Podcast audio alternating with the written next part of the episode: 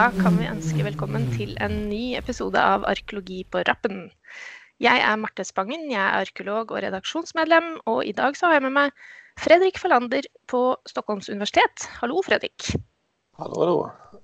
Eh, nå hører jo de fleste at dette blir eh, nok et eh, Skype-intervju. Eh, jeg sitter i Tromsø, eh, men jeg tror vi skal klare å kommunisere bra på denne måten også. Eh, og da skal vi altså tilbake til det lette, lystige temaet døden. Eller da rettere sagt andre del av hovedtemaet i forrige nummer av Primitive tider, nemlig begravelse. For din artikkel i forrige nummer, Fredrik, den heter jo da 'Grave Encounters Ontological Aspects of Post-Burial Interaction in the Late Iron Age of Central Eastern Sweden'. Og jeg tror kanskje at vi skal begynne med å oversette den tittelen til norsk eller til svensk, da. Eh, hva er det egentlig artikeln handler om? Jo, titeln tog jag egentligen från en, en B-skräck som kom samtidigt som jag skrev texten. Jag tyckte den passade ganska bra för det, i det här fallet som jag jobbat med så eh, handlar det om att man snarast har stött på äldre gravar när man har återkommit till en plats. Så att det är en form av encounters med, med okända gravar som man inte vet vem som egentligen ligger i. Och eh, texten handlar om, om återbruk eller ingrepp i äldre gravar under sen järnålder och tidig medeltid. Och man kan säga det ontologiska i eh, titeln eh, handlar egentligen om att utgå från ett symmetriskt perspektiv. Jag försöker jobba nerifrån och upp med materialet och eh, anlägga ett symmetriskt perspektiv där också graven och benen i gravarna, dess materialitet får en större betydelse i tolkningen. Jag vet inte om det blir mycket klarare av, av det, men jag det blir tydligare. Nej, jag tänker umiddelbart att vi nog ska förklara upp till flera av dessa tingene som du nämnde där. För det första, alltså titel är egentligen en filmtitel, är det det du säger? Ja, precis. Ja, okej. Okay. Ja. huvudtiteln, så att säga. Det är en B-skräcke som kom någon gång. På, ja, nämligen. Ja. Okay. Ja, jag skjønner. Ja, det var jag inte klar över i det hele tatt, men det var ju lite morsomt, da. Ja, men, det är uh, okänt. Ja, för speciellt intresserade. Men uh, dette her med et symmetrisk perspektiv og uh, materialiteten i bein og gravanlegg, det tror jeg også du må si litt mer om. Altså Først symmetrisk perspektiv, hva legger du i det? Det menar jag egentligen på att, att man kanske inte alltid utgår, utgår från ett mänskligt perspektiv, det man kallar för antropocentriskt, utan att man också inser att det materiella spelar roll för hur vi beter oss i världen. Ja, Eh, kortfattat, väldigt kortfattat. Ja, ja, det är väldigt kort och grejt. Eh, och i det så ligger ju också ett begrepp materialitet, att man eh, snackar om hur eh, människor, eh, vad ska man säga för något, hur eh, ting påverkar människor, är det väl egentligen det handlar om. Mm. Ja.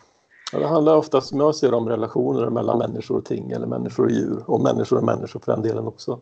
Så att det är inte så att tingen på något sätt ska vara likvärdiga människor, men de har betydelse i vissa fall. Mm, ja. Ja, och jag vet inte om du kan ta ett enkelt exempel på det som är sån lite lättfattligt, vad, vad man tänker när man snackar om att ting påverkar människor eller att, eh, ja, relation mellan ting och människor. Ja, alltså en klassisk variant som är aktuell idag är väl mobiltelefonen egentligen. Som helt uppenbart hur de påverkar hur, hur vi beter oss i vardagen. Så sätt de är delvis gjorda för att göra det naturligtvis, men de har också lett till saker som man nog inte hade kunnat förutse på förhand när man skapade telefonen. Mm. För exempel folk som går och ser på telefonen sin när de ska kryssa gatan och den typen av ting. Ja, eller ja. tunnelbanan i Stockholm där alla sitter med nacken över telefonerna. Det är lustigt att se faktiskt. Mm, ja, ja, det är helt sant. Ja, men hvordan uh, har dette noe med eh, post-burial interactions uh, i uh, jernalderen att göra? Ja, det kan man fråga sig. um, men det här kommer av då att uh, platsen som är Brobybro, strax norr om Stockholm, grävde ut med ett antal seminariegrävningar för några år sedan. Och där stötte vi på en del ganska märkliga ingrepp som man har gjort i äldre gravar. Och eh, jag tyckte de här modellerna som man har använt tidigare på sånt här inte funkade riktigt. Det handlar ju inte om plundring till exempel och jag har också svårt att se att det skulle vara en, en slags strategisk återkoppling till någon slags anfäder eller någonting man har gjort där för att legitimera makt eller eh, rättigheter till en plats. För som jag sa inledningsvis så är de här gravarna tusen år gamla när man gör ingreppen och eh, troligtvis så har man ingen aning om vem som ligger i dem. Eh, de är heller inte speciellt eh, vad ska jag säga, monumentala eller ligger på monumentala lägen så att det, det är inga speciella gravar man har gått in i egentligen. Nej, men eh, alltså, kan vi si lite mer konkret akkurat när gravarna är från och när de nya ingreppen har blivit gjort? Mm. Bare sånn at vi har ett tidsperspektiv på vad vi snackar om eh, här. Ja, precis. De äldre ursprungliga gravarna på ett impediment i området är ungefär tusen, från eh, år noll. Något hundra år före, något hundra år efteråt. Ja. Och eh, sen har man då under tidig kristen tid, under 1000-talet, eh, anlagt en gravgård i närheten som troligtvis då har börjat på det här impedimentet och börjat med att man har gått in i de här gamla stensättningarna och grävt ner då kistbegravningar med vad vi tror är kristna människor i. När man har gjort det har man då också byggt om de här gravarna ganska mycket. Man har eh, varit ganska noga med att plocka ut den gamla graven. Alla benen är borta ur centrum på gravarna och istället har man placerat dit stora stenblock Mm. Inte nog med det, sen har man också lagt kistbegravningen i den sydöstra änden av, av den här graven så att säga. Man har inte lagt den symmetriskt mitt i. Så det finns något, det finns ett mönster här i hur man har eh, använt de här gamla gravarna. Mm. Du säger ju det att de gamla gravarna, de har inte varit speciellt eh, prominenta i landskapet eller väldigt synliga, men kan du bara beskriva lite närmare akkurat vad slags former vi egentligen snackar om? Det är stort sett bara runda små stensättningar. Det som skiljer dem från yngre järnåldersgravar är att de är ofta ganska vällagda och väldigt snyggt lagda helt enkelt. Och många av dem också har eh, ganska fin, fina gravklot i mitten, äggformade gravklot på kanske 30 centimeter, något i den storleksordningen. Så. Eh, de är väldigt flacka så de skiljer sig ganska mycket från järnålderns lite mer skramliga jordfyllda rösen så att säga. Mm. Jag tror, du, jag, tror jag, må, jag, jag må faktiskt bara be dig om att förklara vad ett gravklot är för något, för det tror jag kanske kan vara ett lite okänt ord för någon i norsk ah, samling i alla fall. Okej, okay. um, ja det kallas för det i svensk nomenklatur i alla fall, men det, det är helt enkelt en eh, rund sten som ligger i, på toppen av graven. Ja, okej. Okay. Uh, varför den ligger där vet ingen egentligen, det finns många teorier om det. Men, mm. uh, det borde väl finnas något liknande i norska gravar också, eller? Ja, det gör det helt säkert. Det var mer namnet eller, eller begreppet som var lite främmande. Så ah, eh, ja, jag tänkte det var grejt att få på plats vad det egentligen var för något. Ja. Ja, nej, men jag skjønner. Og det här har man alltså då valt att gå in i och omrokere, har jag skjønt. Och också, mm. altså, en ting är att man har begravd folk da, tusen år senare, men man har väl också, som du säger, liksom justert på dessa anläggena på en eller annan måte? Alltså att man har mm. flyttat runt på stenar och lagt nya formationer och sånt. Ja, man kan faktiskt säga så i två av fallen så har man begravt den gamla graven i en ny grav. En av dem har man byggt en rektangulär kantkedja runt ganska stora stenar, alltså symmetriskt ovanpå den gamla runda stensättningen. Och på en annan grav så har man gjort en förstorat den så att man lagt rejält stora stenblock, en stor kantkedja runt om den gamla graven så att säga och byggt på röset ovanpå så att den blivit mycket större. Men i princip har ingenting synts av de gamla gravarna utanpå så att säga. Mm. Så det jag tycker är intressant är det där med att begrava, begravning, begrava gravar också. Jag skriver mm. inte så mycket om det i texten men det, det är en intressant mm. aspekt av det hela tycker jag. Mm. Ja, fordi jeg forstår det jo som at en annen ting du ser i dette her, da, eller som dere fant ut under utgravningene, er at uh, man har egentlig ikke hatt så veldig mye respekt för disse her eh, beina som man har funnit, eller?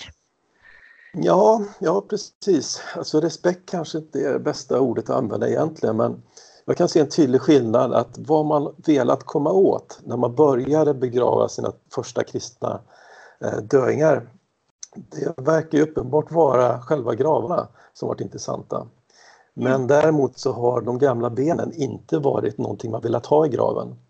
Nej. Så det här med respekt eller inte, det är ju en värdering som ligger i det. Men man har varit ganska noga med att gräva bort dem i alla fall så att de inte ska finnas kvar i graven. Mm. Och vad mm. man gjort av dem har vi ingen aning om, så sett. Men, äh, men de finns inte i gravarna i alla fall. Och, och just det att man också har satt de här stora, riktigt stora stenblocken i platsen där själva centrumgraven har legat sig också att man velat försegla den på något sätt. Så mm. därför skiljer jag lite grann på att man har olika förhållanden till de dödas ben och de dödas sten om man säger så. Det verkar vara två ganska skilda materialiteter om man använder ordet så. Mm, mm. Uh, ja, och uh, bara för att ta det lite mer uh, i detalj. det här är ju inte något okänt fenomen att man öppnar äldre gravar i järnåldern. Det är ju något som har varit ganska mycket utforskat de senare åren, men då kanske mer i form av det som många känner till, att det är en slags, ja, det som har blivit kallat för en gravplyndring, då, men som har diskuterats som lite olika ting. Jag vet inte om du kan säga något mer om vad som har varit liksom, de standardteorierna för sån typ av gravöppning? Jo, nej, men det är väl lite grann som jag sa förut att eh, plundring är väl kanske någonting som mer tillhör historisk tid. Det verkar ju som att man har haft andra anledningar att gå in i gravar och det verkar skilja sig väldigt mycket från olika tider. I, I, Europa så kan man ju se hur man gått in i kistbegravningar, alltså i kristna gravar ganska kort efter begravningsögonblicket och plockat upp ben och, och kanske andra föremål och sånt. Eh, det finns många teorier om vad de handlar om. En del pratar om att det skulle vara någon variant av relikbruk till exempel som även eh, går att applicera på vanliga människor. Men det är, det är ett märkligt fenomen. När det mm. gäller järnåldern i Skandinavien så har vi haft många år en, en trend som har betonat det här med minne och eh, eh, rättighet till, till land och så vidare ingår i det postprocessuella tänkandet egentligen. Och det kan nog ligga en hel del i det men jag tror inte det förklarar inte alla de här ingreppen. Och framförallt inte då de här som vi har grävt i Brobybro. Um, för som sagt, det, vill man anknyta till de, till de redan döda så kanske man skulle välja några som man faktiskt känner till, alltså välja några yngre gravar i så fall. Eh, det mm. finns ett antal stora höga på plats som man skulle kunna anknyta till istället. Mm. Eh, och så. Eh, och ja, så du tänker ju det också för det är så inmari lång tid från den första begravelsen till den senare förstörelsen ja, så ja, virker det osannolikt att man faktiskt har en eh, tanke om att, man, att det är ens förfäder som ligger här. Att det ja, är mm. mer, som du säger, den eh, alltså anleggene i sig själv som avstedkommer att man börjar lägga nya gravar där? Jag tänker mig snarare att man blir, inte förvånad kanske, men intresserad när man hittar de här gamla gravarna. Man återbefolkar platsen så att säga under slutet av eh, 900-talet. Eh, och att de skiljer sig just gravarna från sina egna gravar så att säga som man pratade om förut, att de är mycket finare lagda. Och de har ganska fina mönster i sig. Stenarna är ofta lagda i runda koncentriska ringar så att säga och med det här gravklotet på toppen. Och, mm. och eh, dessutom innehållet, de innehåller ju inga djurben de här gamla gravarna. Generellt sett i alla fall, väldigt få av dem. Och de är ofta brända vid en annan temperatur så benen ser annorlunda ut och det tror jag man uppfattade när man började gräva i de här gamla gravarna. Mm. Det, vad de sen själva trodde att det här var, det, det är svårt för oss att säga. Men jag skulle vilja öppna för att det inte nödvändigtvis måste vara, de fattar att det var gravar, det, det tror jag säkerligen. Men vems gravar och hur gamla var de? Det tror jag är väldigt svårt för en människa under 900-talet eller 1000-talet att egentligen ha ett grepp om. Mm. Så där finns någonting intressant och spännande som man kan ta tag i och nysta i och undra hur kan man då ha sett dem? Och därav kommer lite grann en titel, Grave Encounters, att man då eh, stöter på gravar. Mm. Ja, men allikevel så tänker du det att de har skönt i utgangspunktet att här är det sannolikt graver. Alltså att de inte har förstått de anläggningarna som något annat, eller vad tänker mm. du? Ja. ja jag, knöt an lite grann till en gammal artikel av Howard Williams. Den skriver om eh, magnesaxiska gravgrävarna som ibland stötte på gamla gravar. Han menar på att det, de kanske inte uppfattar dem ens som människor utan som någonting annat från något, något avlägset förflutet så att säga. Va? Mm. Jag tänker mig att samma sak gäller här. De förstår att det är någonting annorlunda och att man kan hantera det på olika sätt. Mm. Ja, för jag måste säga att alltså, bara det att börja öppna något man uppfattar som graver för att göra nya begravelser Eh, jo for så vidt det oss i dag også. Vi har jo et relativt eh, pragmatisk forhold til det når det gjelder kirkegårder og sånn, da. Men å gjøre det med vilje ut ifra en eller annen idé, det virker jo litt sånn fremmed på en måte. Men det er der du kommer inn på hvordan man kanskje må nærme seg fortidens oppfatninger av dette her, og frigjøre seg litt fra ens egne oppfatninger av hva både graver er, og hva mennesker er. Jag tror man måste det faktiskt. Just järnåldern är speciell för jag tror att via texterna och sånt, de norröna texterna, så får vi nog en känsla av att det väldigt, mycket är väldigt likt. Men vi missar också vad som faktiskt också är väldigt olikt så att säga. Jag tar upp lite kort om det. Beowulf till exempel, alla de här historierna som finns om övernaturliga saker som på något sätt flyter in i vardagen ganska naturligt. Det är kanske mer en sån värld vi får tänka oss och det gäller också den tidigkristna perioden. Att det, inte, det kommer inte liksom ordning och reda direkt när kristendomen kommer till Sverige. Det är en helt annan kristendom än den vi har idag. Så man, jag tror man måste vara lite öppen för att det finns olika synsätt på både människan, en död människa och vad en grav är. Och så vidare. Mm. Og også hva en kristen grav er, egentlig, da. Fordi disse gravene ja. er vel ikke sånn rent eh, de, ikke, de, følger ikke helt malen for det vi liker å eh, ha, hvis vi skal være helt sikre på ja. at det er kristne graver heller, gjør de det? Jo da, jo da det gör de faktiskt. De innehåller ju inga matoffer, de innehåller bara kanske någon enstaka kniv eller personliga föremål som tillhör klädedräkten. De är begravda i öst-västlig riktning, i kistor på alla möjliga sätt och vis. Att det de är nog säkerligen kristna och det finns ett antal runstenar i området också som eh, vittnar om att man under den här perioden var kristen. Så att säga. Mm. Så jag tror inte det är något större tvivel om det, men det som verkar främmande för oss är väl att man väljer att begrava de här människorna i gamla gravar eller vid sidan om ska vi säga gamla gravar eftersom de ligger i den sydöstra delen hela tiden av gravarna. Mm. Det, det, är det som är lite märkligt. Mm. Men ja, jeg skjønner at det er veldig vanskelig å svare på veldig konkret. Hva har de tenkt med dette, da? Men, eh, men kan du si litt om du, ja. altså, dine ideer rundt uh, hva, er, hva har de tenkt, rett og slett? Hva är orsaken till det? Ja, jag har grundat väldigt mycket på det. Men det, det, det, är inte lätt. Alltså. Det är kanske min begränsade fantasi också. Någon annan kanske kommer på bättre tankar, vad vet jag. Men jag tänker mig just i materialiteten, att de förstod att de var gamla. Då finns det någon form av um, att de har överlevt lång tid gör ju att de har en egenskap av att vara överlevare om man får uttrycka mig så. Mm. I den tidiga kristenheten är ju kroppens bevarande någonting som var väldigt viktigt, att den skulle bevaras till återuppståndelsen så att säga. Mm. Att man på något sätt kan ha lånat egenskaper från de här gamla gravarna som man ansett på ett magiskt vis egentligen fört med sig en, en kraft som gör att gravarna på något sätt skulle klara tidens tand bättre än om man bara begravde dem i jorden, i kistor i jorden. Mm, mm. Det finns lite stöd i det här. De, är, de ligger ganska djupt ner, kanske 80 centimeter ner i backen och är fyllda då med sten, alltså groparna ovanför kistorna. Så det, det, är ganska substantiella gravar egentligen, som man mm. lagt en del energi på. Mm. Och de här två stycken stora ombyggnationerna är ju verkligen, har man verkligen liksom lagt ner energi på att göra dem substantiella. Mm. Så eh, det är en tanke att det finns någonting i, det här okända, i, i det gamla som man har velat rida på så att säga, en egenskap man har velat använda sig av. Mm. Ja, nei, men det høres ut som en sånn besnærende tolkning, det der med at man har en tilbakeskuing eh, som gir et tidsperspektiv som da kan eh, gi eh, ja, hva skal man si for noe, bevarende egenskaper til det man gjør nå. Det høres jo ut som en veldig Eh, besnærende teori. Men er det her noe som man kan understøtte på noen måte, eller er det noen måte å undersøke dette her på, tenker du? For å stille ett veldig spørsmål. Nej, alltså det, det, är ju väldigt, väldigt svårt. Alla de här frågorna om vad folk tänker och tycker om olika saker. Vi måste hitta mönster helt enkelt.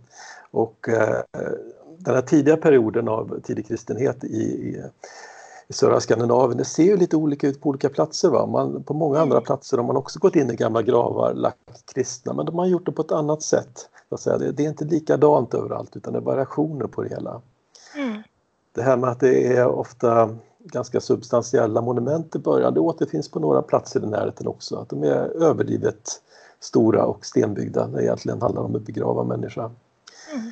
Eh, det kan ju tolkas som makt naturligtvis eller status eller någonting men många utav dem är ju faktiskt nedgrävda också i backarna.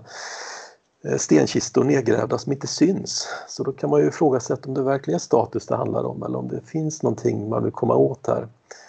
Som har att göra med kroppens bevarande så att säga. Mm. Mm. Ja. Jag tror ja, inte man... Ja, fortsätt. Nej, du, bara fortsätt. Du hade något mer på hjärtat. Nej, jag, jag tittade en hel del i de textkällor som finns också. Det finns ju vissa stöd för den här tankegången där i så sätt, men inte några direkta egentligen så sätt utan just den omtanken om, om liket är ganska väl dokumenterat i, i de tidiga texterna. Mm. Men längre än så vet jag inte om vi kommer. Det här, jag tror det här är praktiker som vi inte har någon parallell till egentligen. Det finns ingen analogi, det finns ingen text som beskriver just det här sättet. Och det gör det ju väldigt, väldigt svårt men också intressant att, att forska kring. Ja, absolutt. Og det er jo der man kommer inn, som du sier. Altså, det, det, det, blir sånn Ja, det, dette må vi forske mer på. Men uh, det er jo faktisk det man må gjøre, og kanskje da med et litt større materiale også. Uh, er det noe du har tenkt å fortsette å forske på dette her? Eller har du noen prosjekter på gang jo, som dreier seg om jo, det samme? Alltså, det här ingår ju i kan säga, liknande tankegångar som jag har skrivit om tidigare om gravar. Eh, där jag försöker se dem som någon eh, anläggningar som gör någonting helt enkelt för att, att säga någonting med rak svenska. Eh, ett projekt som jag skissar på nu som jag har börjat formulera vagt är att eh, se de här gravarna snarare som inte begravningar av människor utan snarare anläggningar för att kanske kontrollera de döda på något sätt. Att, att det finns någon form av magisk koppling i både sammansättningen i gravgömman och hur de här gravanläggningarna också är formerade. Mm. Och, och, det jag tycker är intressant är framförallt den här ökande mängden av djurben som kommer i yngre järnåldern. Eh, jag tror inte att det bara handlar om saker som man har lagt på bålet eller som på något sätt skulle vara matoffer eller någonting. Det verkar finnas något intressant urval här som vi måste jobba vidare med att hitta mönster. Samma sak gäller gravformerna under äldre järnålder som är ganska varierade. Det är ingen som har lyckats hitta några korrelationer mellan kön, ålder, status och någonting sånt till formen utan det är någonting annat där. Så att det, det, här är ganska flummiga och vaga tankar som du har, Liksom. Det är svårt att vara konkret. Men, eh, ja, men det er jo det du skal jobbe deg fram til. Da. Og det er jo uh, selvfølgelig også et veldig godt utgangspunkt for å få kanskje noen nye svar. Da, og, og komme til dette her spørsmålet med litt andre utgangspunkt. Um, og det at man uh, selvfølgelig ikke har valgt form på graven helt tilfeldig, f.eks., uh, eh, er jo på en måte litt opplagt, da, men da må man jo selvfølgelig videre utforske hvorfor har man valgt de ulike formene, hvorfor har man valgt de ulike gravgavene. Ja. Jag tror just om man kanske är lite mindre antropocentrisk och inte bara utgår från den begravda människan så finns det säkert någonting mer vi kan eh, kunna hitta något mönster att koppla till varför hon ser ut som hon gör. Mm. Det är det som är grundtanken.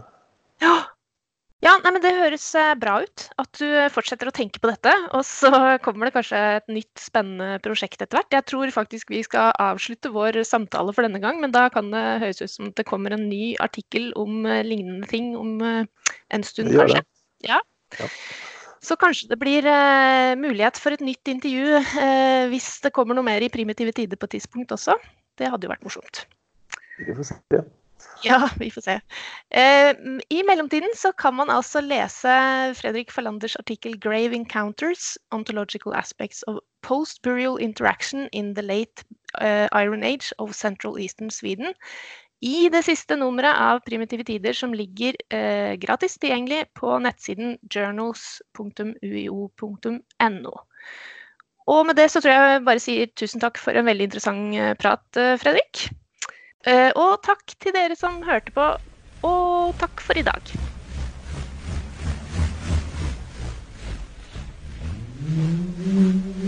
Mm-hmm.